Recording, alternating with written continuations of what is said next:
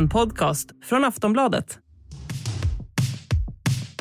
Så kom december till slut.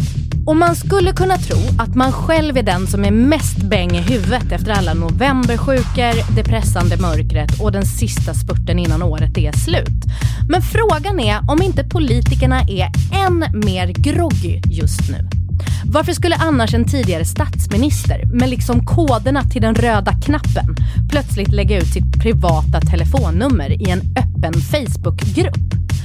Dessutom, spelar det egentligen någon som helst roll om politiker bryter sina vallöften?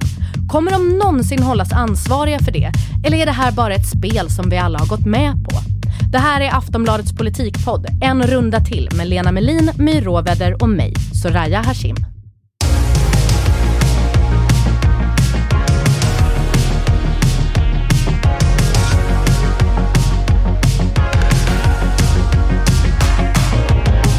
Lena och My, välkomna hem till studion igen. Tack. Den eh, senaste tiden så har jag faktiskt funderat ganska mycket på vad Magdalena Andersson gör egentligen, hur hon har det. Alltså, hon har ju ändå gått från att synas och höras precis hela tiden till, för mig i alla fall, i mina ögon, ganska akut tystnad i jämförelse. Och jag har undrat, hur mår hon? Vad gör hon nu för tiden? Varför hör hon aldrig av sig? Men så i helgen fick vi plötsligt veta Lena, kan inte du berätta vad som hände? Ja, men då hade ju Magdalena Andersson tagit hand om en bortsprungen hund och hon var väldigt engagerad i den här hundens öde och ville då att hunden skulle få återvända till sin husse och matte eller vad, de, vad den nu hade eh, på, på, inom rimlig tid. Så, la, så då la Magdalena Andersson ut på Facebook att hon hade hittat en liten bortsprungen hund som hon hade tagit hand om och så bad hon eventuella eh, då, ägare höra av sig på telefonnummer som hon också la ut där på Facebook. Hon la ut sitt privata telefonnummer i en öppen Facebookgrupp. Ja, jag tror inte Säpo var informerad. Jag tror inte heller Säpo var informerad. Jag tror Magdalena Andersson fick feeling och brydde sig om hunden och ja. bara bäst, första bästa. Um, hur känner vi för att någon som liksom alldeles nyss var ansvarig för Sveriges säkerhet liksom... Det kändes ju som hon missade grundkursen där. Okej, okay, men vad, vad, liksom, vad ska en före detta statsminister göra istället? Hon har hittat en hund. Ja, ja, alltså för det första kan hon kanske be någon annan tala om att det finns en upphittad hund. Men om hon inte, det inte finns någon annan, då kan man kanske åtminstone se till att man inte lägger ut sitt privata telefonnummer. Jag älskar det här, för jag tycker det är, så, det är så mänskligt på något sätt. Det är så liksom fasaden på något sätt bryts ner här. Jag gillar det. Mm, ja. De kämpar ju så för att hålla de här numren hemliga. Och i ett i ett litet slag var alla års kamp en liten tass. Förlorad. jag tyckte också det var så kul, hon sa, eh, Aftonbladet skrev såklart en artikel om detta och så skrev hon, eller så svarade hon efter lite frågor. Eh, det är så bra med de här Facebookgrupperna, jag är med i flera. Det är så mysigt, Magdalena Andersson på sitt privata konto är med i flera olika Facebookgrupper. Mm, trevligt. Men det fick man också fundera på, är hunden det viktigaste djuret i politiken? Du menar att det finns ju flera nu ministrar och statsministrar som har Facebook eller Instagramkonton för sina husdjur. Ja, jag tycker ändå Ulf Kristersson har försökt positionera sig som den största hundvännen och nu kommer Magdalena Andersson och gör någonting väldigt gott för hundarna. Fast hon har hela tiden sagt att hon älskar hundar, hon har bara inte haft tid att ha en hund. Det är opinionsmätningstider. I veckan har både DN Ipsos och SCB e släppt stora mätningar om hur väljarna hade röstat om det vore val idag. Och den senare av dem kom ju alldeles nyss nu, precis innan vi satte oss i studion. Har ni hunnit eh, titta på båda? Absolut. Mm. Så vad säger de, de här mätningarna? De säger att det är inte så gynnsamt att vara regeringspartierna just nu. Och det är inte heller särskilt gynnsamt att vara sverigedemokrat. Och om det är någon som ska bli lite nervös för en sån här mätning eftersom den är ju, det här är ändå de minst viktiga mätningarna, det är ju fyra år kvar till nästa val nästan. Mm. Eh, så är det väl Sverigedemokraterna för att den här trenden då att de tappar stöd eh, borde göra dem lite nervösa. De har ju redan varit nervösa inför om vad det här vägvalet, den här positionen de har valt skulle betyda för partiet. Men, eh, men vad den säger, om jag förstår det rätt, är, är det liksom en mätning då på hur nöjda eller missnöjda väljarna är på vad de har hunnit åstadkomma fram till nu? Jag tror att särskilt den här SCBn där Socialdemokraterna har gått mycket framåt och eh, alla de eh, partierna som är i regeringen och i Sverigedemokraterna har backat. Det är i och för sig inte statistiskt säkerställt med tider regeringspartierna, men eh, sossarna har gått framåt och Sverigedemokraterna har gått bakåt. Ja, för Sverige, eller förlåt, Socialdemokraterna fick väl det högsta stödet på nästan åtta år. Precis, och de fick också välja stöd från nästan alla de andra partierna utom Sverigedemokraterna. Nej men det har ju varit en ganska tuff start för den nya regeringen. Man har behövt backa från flera löften. Man har ju flera år på sig, fyra år till på sig att infria dem, men det har inte sett så bra ut de senaste veckorna. Och sen mm. så har man ju också fått lägga fram en budget som har gjort typ alla arga, för att den behövde också vara väldigt stram. Det är ju en svår ekonomisk situation i Sverige. Så att det har varit en lite jobbig start. Men som sagt, det är ju ändå fyra år kvar på den här mandatperioden, så än så bör de nog inte tugga på sina naglar tror jag. Så vi ska inte tänka här att, att den här typen av mätning påverkar väljarna särskilt mycket? Inte, alltså väljarna eh, är ju förnuftiga mm. och de har, kommer heller, på valdagen 2026 så kommer de inte fundera över vad fan var det som hände där hösten 2022. det kommer de inte göra. Nej. Men det som däremot en sån här mätning kan ju ha, ha betydelse, det är lite på den interna opinionen.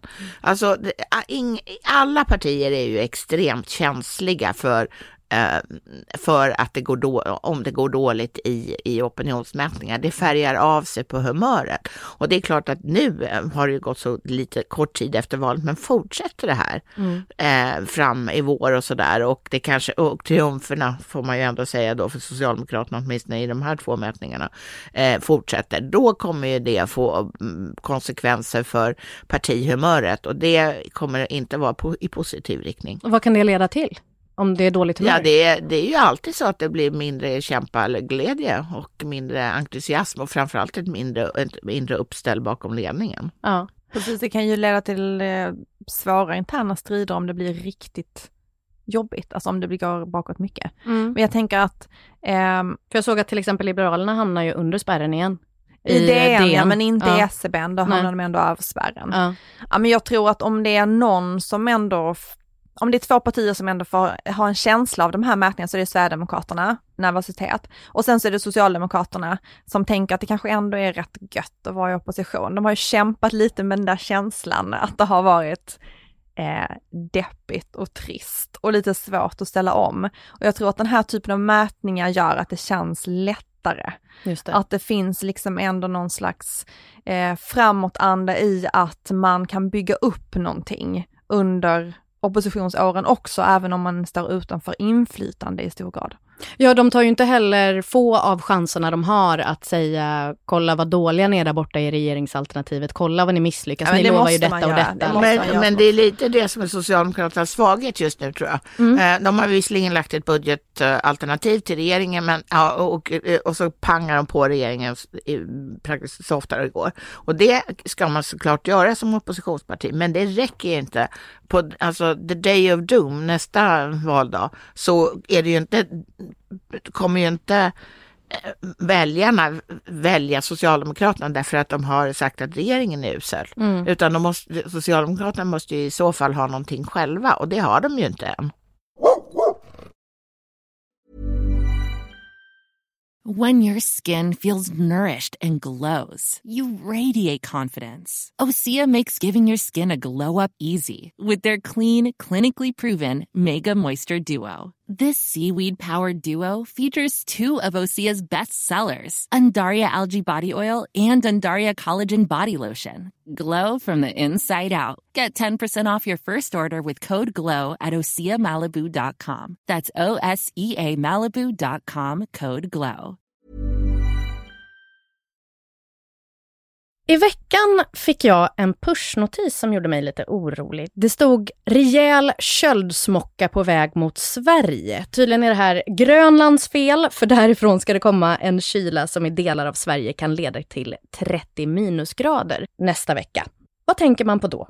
Förutom de hemlösa. Man tänker på elpriserna såklart. Och på den fronten har det ju hänt lite. Igår hade energiminister Ebba Busch presskonfa är det återbäringen som kommer nu? Om du menar nu, om du med det menar februari-mars, absolut. Jag önskar att det var februari-mars nu. Ja, men, men det är inte, det är inte Men det- nu. Det är Nej, alltså fram. jag skulle sätta ett frågetecken även för februari som, Mm. som är målsättningen. Därför att det, var så, det är så mycket som inte finns ännu. Den förordning som ska reglera det här finns inte. Det finns inga bank, uppgjorda kontrakt med bankerna. Det finns, eh, det finns inget sätt att garantera säkerheten. Det är alltså tre jättebollar som inte är åtgärdade. Så liksom hur pengarna ska komma fram och när de ska Nej, komma nej, nej, fram. nej, nej, hur? Ja. Fick vi ju reda på nu på morgonen. Kontanter. Ja, precis. Varsågod. Precis, för det måste vi prata om. Alltså, Lena, du har tagit upp flera gånger här i podden att ett av de jättestora problemen var att Försäkringskassan som ska betala ut de här pengarna, de har ju inte liksom kontonummer till alla och särskilt inte företag och organisationer. Så en lösning på det verkar vara att flera av de som ska få lite pengar nu ska få det via en sån här bankavi där man ska traska till banken och få ut, vad kan det bli, typ 10 000 i fickan i kontanter? Alltså jag, jag bara säger, är Sverige ett IT-land eller inte? Ja, Äntligen en situation där de som inte har tagit sig an tekniken har en fördel Ja. för alla oss andra människor. vinnarna. Men jag, jag kan bara se hur man står där på Pressbyrån och så säger de ja visst är det 90 kronor. Och så ska den där stackars människan i Pressbyråkiosken eh, sätta in mina tusenlappar på mitt konto. Nej men alltså det, jag bara ser ett sånt kaos och ett sånt liksom guldläge för alla ficktjuvar som kommer ha det så och sen jäkla bra a- nu. alla sådana här avier som ska försvinna med Postnord. Åh nej. Alltså jag, nej men gud vad deppigt. Ja. vi är nog ändå ganska många i det här landet som minns hur det var när man fick stå i kö på posten Ja. för att växla in de här postavier och bankgiron och allting. Det är inte bara det att det var otroliga köer, tog lång tid, det var jättekrångligt. Sen kostar det också en hel del att växla in dem. Absolut. Det är ju inte gratis. Alltså är det här bra för Ebba Busch? Kan man inte bara få en portfölj med cash? Ja men, äh, men hur bra eller dåligt är det här för Ebba Busch? För att hon, nu satt hon också igår i 30 minuter i SVT och liksom eh, gjorde sin spin på hur detta är bra och hur allting kommer lösa sig och de har visst hållit sitt vallöfte och till och med gör ännu bättre ifrån sig. Mm, Men i slutändan kommer det ändå vara så att jättemånga människor behöver stå i kö till ett postkontor eller bankkontor och det kommer vara jättemycket administrationskrångel kring Men detta. sen är det ju väldigt lustigt måste jag säga att igår hade hon en jättestor presskonferens. Mm. på klockan kvart över åtta på morgonen tillsammans med, med en annan, eh, nämligen den ansvarige ministern för Försäkringskassan som ska betala ut de här pengarna. Eh, och två myndighetschef, eller en myndighetschef och en eh, biträdande myndighetschef. Och varför kunde inte de ha kläckt ur sig det här igår? Ja, det är för att de inte vill inte liksom förstöra bilden av att nu var det på rull, när det inte är på rull. Men hade man vågat göra det i den positionen? Ebba Busch står där och har liksom alla journalister och kameror och så bara, ursäkta, det här är en jättedålig idé. Hade Ja. man vågat det? Ja, hon kommer ju få den frågan vid, när hon nästa gång visar sig så kommer hon ju få den här frågan. Det var väl lika bra att veta av allting igår. Eh, och det var ju nämligen en, en massa andra konstigheter också, till exempel de tre jag alldeles nyss räknade upp. Och då har vi ju då hittat en modell här eh, som både gör det precis det vi sa i valrörelsen, precis det som Ulf Kristersson är ute efter i den här intervjun som ni visar. Att se till att människor inte behöver drivas ur hus och hem men på ett sätt som ännu bättre än den här andra modellen som diskuterades ser till att vi inte då driver på inflationen. Så Disk- syftet, Får jag bara fråga, för det överordnade vallöftet levereras. diskuterades. Det här var ju ert förslag. Ni skulle erbjuda en försäkring till, de, till elkonsumenter under vintern. En försäkring om att om elpriserna blir väldigt höga, som man tror, så skulle staten ta en stor del av dem. Det skulle vara ett stöd som var kopplat till de kommande elpriserna. Varför, varför genomför ni inte det? För att det är en bättre modell. Än den som ni själva föreslog? Ja. Du, Lena, kallade ju de här ouppfyllda vallöftena för ett fiasko i en kolumn innan den här presskonferensen var. Vad tycker du nu? Är det fortfarande ett fiasko? Ja, men det är ju ett fiasko från början till slut, därför ingenting av det som regeringen, eh, eller rättare sagt de blivande regeringspartierna och Sverigedemokraterna eh, lovade när det gäller det här i valet eh, har ju hittills uppfyllts, förutom att det kommer någon gång någon typ av pengar. Men eh, det här då liksom fiaskot som vi nu kallar det, alltså hur dyrt kommer det bli för regeringen? Jag menar det är ju fyra år till nästa val. Vi väljare har en tendens att ha ganska dåligt minne. Jag talar absolut för mig själv.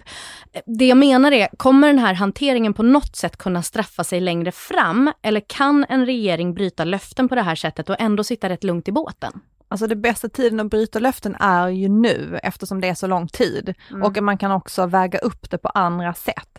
Men jag tänker just det här med elpriserna, det handlar om människors ekonomi, så är det om det här leder till personliga tragedier, om det leder till att människor ruinerar sig, att de går, får gå från hus och hem. Företag eh, går i konkurs. Exakt. Ja. Då finns det ju grund för en svekdebatt som kan vara mycket, mycket längre än att det bara är en enskild händelse. Är det bara en enskild händelse, allting löser sig, man kompenserar på andra sätt under de kommande åren, då blir det ju inga problem. Men det kommer ju bli ett problem om det här liksom sätter sig på olika sätt. Mm. Och som Lena säger, om de liksom inte kommer i mål med det här utan att det bara är en massa snack som leder fram till att man inte liksom lyckas få fram de här pengarna i tid. För att det, ju, det finns ju fortfarande inget svar då för eh, när företagen ska få, eller sockerbagarna som hon kallade ja, hon det kallade dem för sockerbagarna i intervjun. Det gjorde hon absolut. Och vi satt hemma och var så här, är, är socker sockerbagarets. En grej? Eller är det en barnsång? Alltså fair enough, som småbarnsförälder, jag är helt med henne att ibland så är det lite svårt att hålla isär på vad som är vad i trötthet. Det var väldigt kul. Eh, men jag visste inte att just sockerbagarna var ett så här utsatt så här jultider. Men de har ju fastnat för bagerierna. Det verkar som det är den viktigaste näringsgrenen i Sverige. Ja, jag vet. Det kom som ja. exempel flera Men gånger. Men är inte det för att det är i södra Sverige så är det ju framförallt den typen av industrier som är energikrävande industrier. Det Aha. finns liksom i södra Sverige så är det ju inte samma industrier som i norra Sverige. Så att just bagerierna till exempel, man har pratat mycket om Pågen som ligger i Skåne, de är väldigt energikrävande och de har det svårt nu för att det kostar väldigt mycket att driva. Ja, men elområde 3, som är strax norr om elområde 4, det är så ändå att där finns en jävla massa otroligt energikrävande industrier, framförallt i form av cellulosafabrikanter. Mm, och det kanske är viktigare för Sveriges energi, än, eller för Sveriges ekonomi än de så kallade sockerbagarna. Men är det lika gott? Det tror jag inte. Alltså lite mal cellulosa är ju ganska smaklös. Men det jag egentligen vill fråga är, finns det exempel på när ett brutet vallöfte verkligen har straffat sig? Jag tror att ett som i alla fall bidrog väldigt negativt till, till för Socialdemokraterna, det var det här att uh, Stefan Löfven lovade Europas lägsta arbetslöshet 2020. Mm. Och uh, så blev det verkligen inte. Och jag tror att det bidrog till, för det var ju också ett sånt här enkelt löfte. Är det lägst eller är det inte lägst? Det var liksom i Sverige.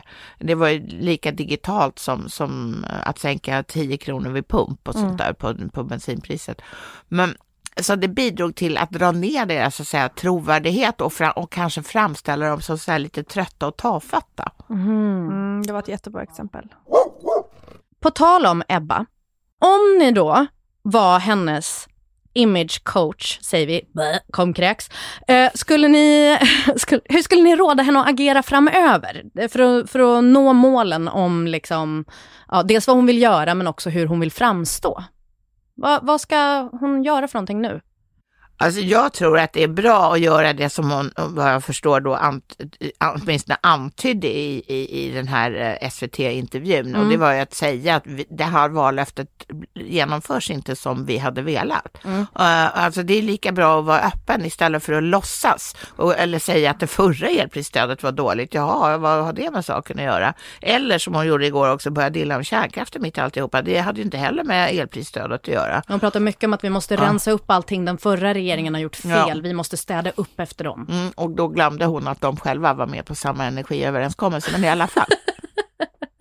Okej, okay, så ta ansvar och säg, säg som det är.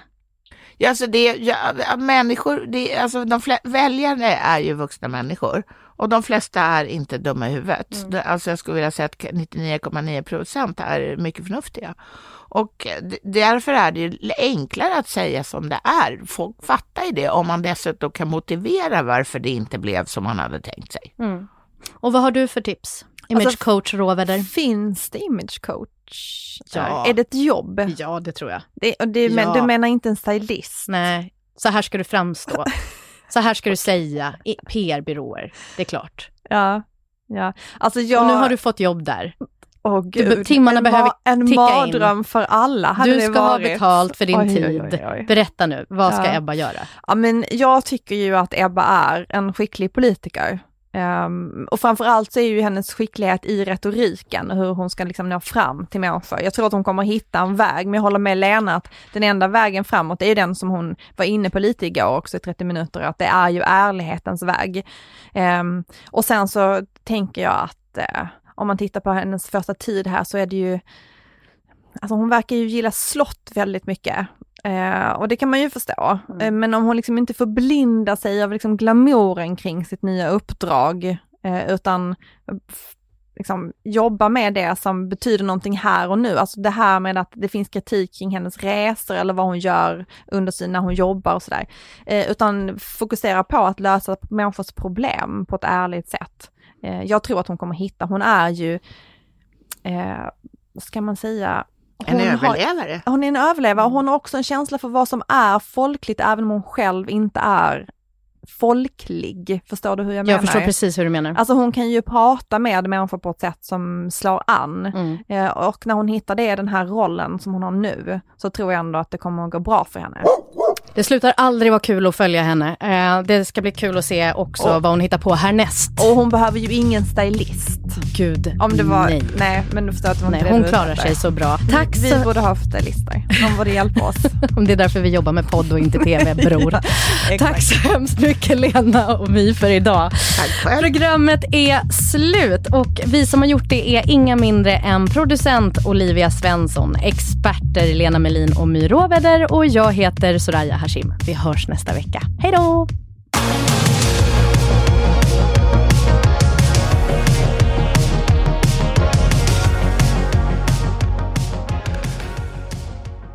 Du har lyssnat på en podcast från Aftonbladet. Ansvarig utgivare är Lena K Samuelsson.